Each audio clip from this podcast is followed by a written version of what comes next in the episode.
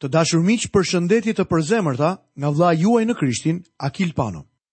Ju uroj mirëseardhjen në emisionin e sotëm dhe ju kujtoj që jemi duke studiuar Fjalën e Perëndisë së Gjallë. Studimin tonë për sot do ta ndalim në Ligjin e Përtërirë dhe do studiojmë kapitullin e katërt të këtij libri. Tema që do të shqyrtojmë mbi këtë kapitull është kjo. Mojsiu këshillon brezin e ri të Izraelit. Ky kapitull përfundon rishikimin e udhëtimeve të Izraelit nëpër shkretëtirë. Ata kishin mbërritur në anën lindore të lumit Jordan dhe tani ndodhen pranë malit Nebo, ndërkohë që Moisiu u jep njerëzve udhëzimet e fundit. Vetëm dy nga njerëzit e përfunduan të gjithë udhëtimin, dhe këta ishin Jozueu dhe Kalebi. Shumica e atij brezi u varros atje në shkretëtirë. Ngjyra e kockave të tyre u zbardh nën diellin e shkretëtirës. Brezi i ri është gati tani për të shkuar në Tokën e Premtuar, por para se të hyjë atje, Moisiu i ritregon përvojën në shkretëtirë dhe deklaron së bashku me ta se do t'i binden Zotit që i do. Le të vështrojmë më poshtë Moisiun i cili u thotë njerëzve t'i binden Perëndisë. Lexojmë nga kapitulli i katërt i ligjit të përtërirë, vargun e parë dhe të dytë.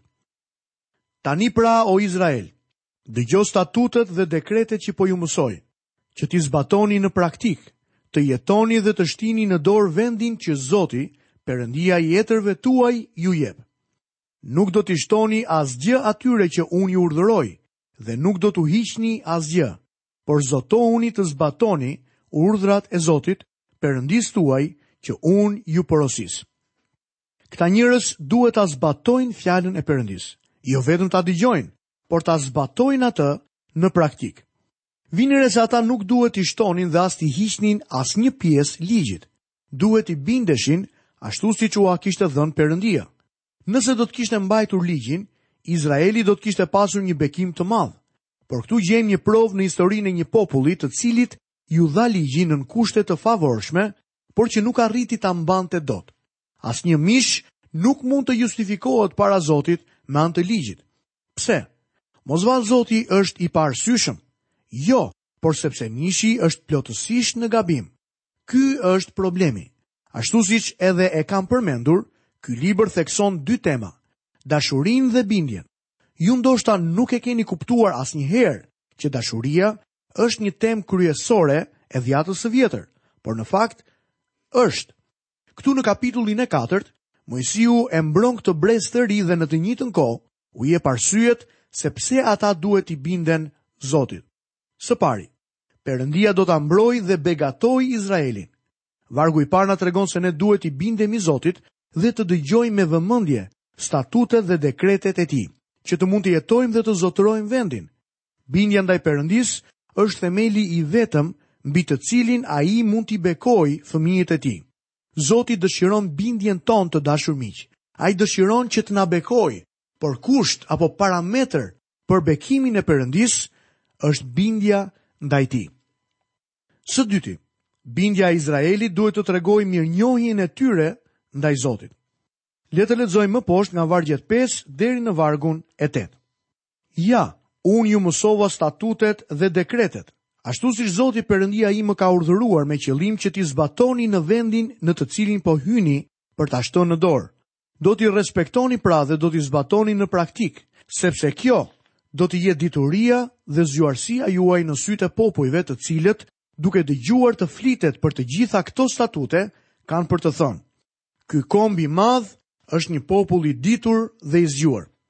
Cili komb i madh ka në fakt Perëndinë aq pranë vetes si Zotin Perëndinë tonë, që është pranë nesh sa herë e kërkojmë?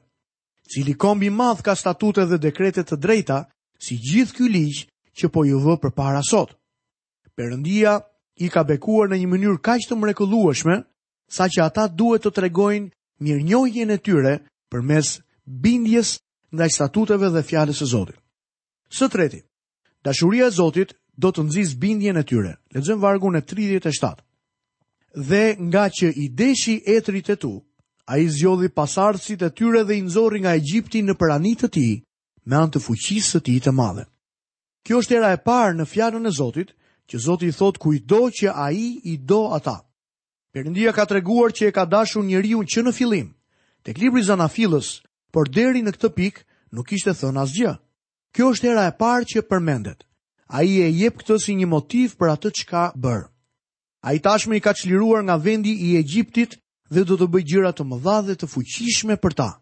Themeli dhe motivi për gjithë këtë është se Perëndia i do njerëzit e tij. Së katërti, Ata duhet t'i binden Perëndisë sepse ata i përkasin Atij. Ligji i Përtërirë katërmbëdhjetë dhe vargu i parë na tregon, Ju jeni bijtë e Zotit, Perëndisë tuaj, nuk do të bëni asnjë prerje dhe nuk do të rruheni midis syve për një të vdekur. Miq, bindja ndaj Zotit është ligji i parë i jetës. Njeriu ka një urrejtje natyrore që nga lindja për Perëndinë. Në natyrën e tij, ai nuk do t'i bindet Zotit.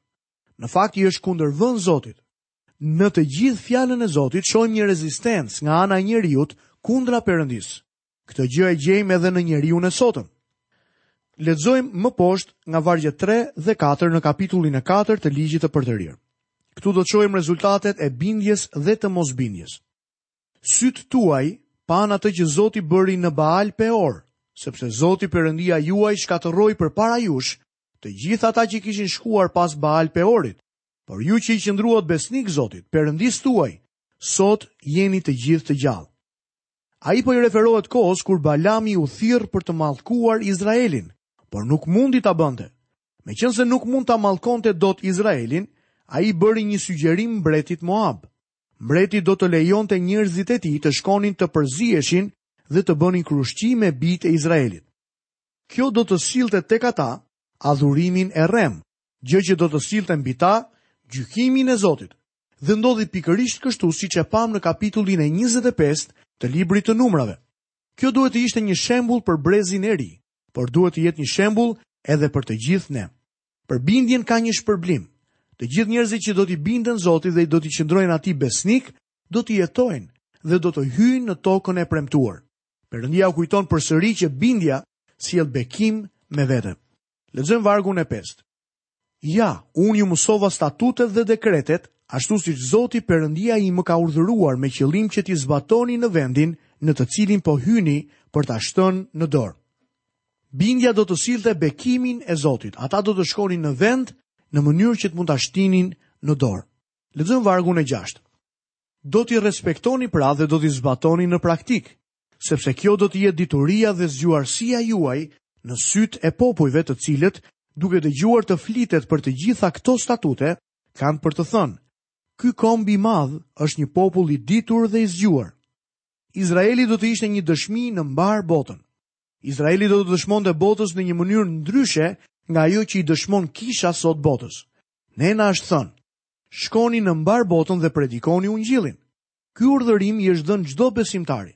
Çdo besimtar në Krishtin duhet të ketë pjesë në përhapjen e fjalës së Zotit deri në fund të kësaj epoke. Por kombit të Izraelit nuk iu kërkua që të shkonte misionar. Ata duhet të ftonin, ejani të shkojmë në shtëpinë e Zotit. Bindja dhe besnikëria e tyre ndaj Zotit do të bënte që kombet e tjerë të dëgjonin këto statute dhe të vinin re se bekimi i Zotit e kishte bërë Izraelin një komb të madh. Lexojmë në vargun e 9. Vetëm kini kujdes për veten tuaj dhe tregohuni të zellshëm për shpirtin tuaj në mënyrë që të mos harroni gjërat që sytë tuaj kanë parë dhe këto të mos largohen nga zemra juaj për të gjitha ditët e jetës suaj, por ua mësoni bijve tuaj dhe bijve të bijve tuaj. Perëndia i dha kombit të Izraelit detyrën më të madhe të një shërbese mësimi. Ata duhet t'i bindeshin Zotit dhe t'ia mësonin këto gjëra fëmijëve dhe nipërve të tyre. Sipërmarrja më e madhe e çdo kombi është edukimi i brezit të ri. Ndoshta dështimi më i madh i çdo kombi sot është dështimi në edukim. Nëse doni të dini se si do të jetë e ardhmja jonë, shikoni nivelin e edukimit. Nuk po fajësoj kolegjet dhe shkollat. A e dini ku qëndron problemi? Problemi është në shtëpitë tona. Perëndia u tha këtyre njerëzve, unë dua që ju të mësoni bijtë tuaj dhe bijtë e bijve tuaja. Dështimi i të mësuarit qëndron tek mami dhe babi në shtëpi. Sa të krishterë janë prindërit në sytë e fëmijëve të tyre. Lexojmë vargun e 12. Dhe Zoti ju foli nga mesi i zjarrit. Ju dëgjuat tingëllimin e fjalëve, por nuk patë asnjë figurë, dëgjuat vetëm një zë. Zoti Jezus deklaroi se Perëndia është frymë dhe ata që e adhurojnë atë, duhet ta adhurojnë në frymë dhe në të vërtetë. Njerëzit nuk duhet të bënin asnjë figurë, ikonë, skulpturë, në ngjashmëri të Zotit. Zoti Jezus u bë njeri, mori një trup njerëzor, por Bibla nuk na jep ndonjë përshkrim fizik të tij, Ndoshta do të mendoni se nuk jam njeri me shumë peshë, por t'ju them të drejtën, nuk besoj në pikturat që janë bërë për Krishtin. E di se shumë njerëz mendojnë se një pikturë e Jezusit do t'i ndihmojë ata që ta adhurojnë më mirë. Më lejoni t'ju them diçka që ka thënë një komentues i vjetër skocez. Njerëzit nuk arrijnë të bëjnë kurrë një pikturë të Jezusit, për aq kohë sa ata nuk kanë humbur prezencën e tij në zemrat e tyre. Me fjalë të tjera, Nëse ti gjendesh në praninë e Zotit dhe dashuria dhe prezenca e Zotit është në zemrën tënde, ti nuk ke nevojë që të bësh një figurë të jashtme për Zotin, e cila do të të ndihmojë ty për të adhuruar atë. Ne kemi nevojë sot për Jezusin në zemrat tona dhe jo ta kemi atë në pëlhurë dhe me ngjyra. Në këtë kapitull Perëndia na jep të vërteta të përjetshme dhe të jashtëzakonshme. Udhëzimet që iu dhanë Izraelit në atë kohë janë principe të mëdha dhe për ne, që mund të ecim më tej, sepse e vërteta është e përjetshme. Lexojmë vargjet 24 deri në vargun e 27. Sepse Zoti Perëndia yt është një zjarr që të konsumon, një Zot ziliqar, Kur të kesh pjellë bij dhe bij të bijve të tu dhe të keni banuar në një kohë të gjatë në atë vend, në rast se shthureni dhe sajoni shëmbëlltyra të gdhendura në trajtën e çfarëdo gjëje dhe bëni të keqen në sytë e Zotit Perëndisë tuaj për ta ngacmuar, unë thërras sot për të dëshmuar kundër jush qiellin dhe tokën, se ju do të zhdukeni shpejt plotësisht nga vendi ku shkoni për t'u bërë zotër të tij. Duke kaluar Jordanin, ju atje nuk do t'i zgjatni ditët tuaja, por do të shkatërroheni plotësisht, dhe Zoti do t'ju shpërndajë midis popujve dhe nuk do të mbetet nga ju veçse një numër i vogël njerëzish midis kombeve, ku do t'ju çojë Zoti. Ai komb është ende një dëshmi për botën, një dëshmi në mosbindjen e tyre. Ata janë shpërndarë në mbarë botën dhe a dini pse? Sepse ata bënë gjërat që Perëndia i ndaloi të bënin. Dikush mund të thotë që tani ata janë kthyer në vendin dhe janë një komb. Po, por a nuk janë ende në telashe? Kur Perëndia t'i sjellë të gjithë izraelitët në vend, ashtu siçkurse edhe ka thënë, nuk do të ketë më probleme siç kanë sot. Kombi i Izraelit është ende sot nën gjykimin e Perëndisë, sepse i ka kthyer shpinën Zotit. Gjykimi do të vijë mbi çdo komb që e refuzon Zotin. Ky është një mësim i jashtëzakonshëm për ne sot. Lexojmë vargun e 30. Kur do të jesh në ankth, do të kenë ndodhur tërë këto gjëra në kohën e fundit, do të kthehesh tek Zoti, Perëndia yt dhe do ta dëgjosh zërin e tij. Këtu përmendet për herë të parë mundimi i madh që po vjen në kohën e fundit. është një term teknik në Testamentin e Vjetër që i referohet periudhës së mundimit të madh. Perëndia vendos një kusht, do të kthehesh tek Zoti, Perëndia yt, dhe do të dëgjosh zërin e tij. Lexojmë vargun 31. Sepse Zoti, Perëndia yt, është një Zot mëshirëplot. Ai nuk të ka braktisur dhe nuk do të të shkatërrojë. Nuk do të harrojë besëlidhjen për të cilën iu betua etërve të tu. A do t'i shpërndante Zoti sepse është i madh dhe i ashpër? Jo. Dëgjoni. Perëndia është mëshirëplot. Ai nuk të ka braktisur dhe nuk do të të shkatërrojë. Arsyeja pse kombi i Izraelit nuk është konsumuar është sepse Perëndia është mëshirëplot. Është e njëjta arsye edhe pse unë dhe ti nuk jemi konsumuar. Nëse je i shpëtuar, nuk është për shkak se je i bukur, i ëmbël apo i përket një standardi më të lartë se sa shkalla tjetër e shoqërisë, por për shkak të mëshirës së Zotit.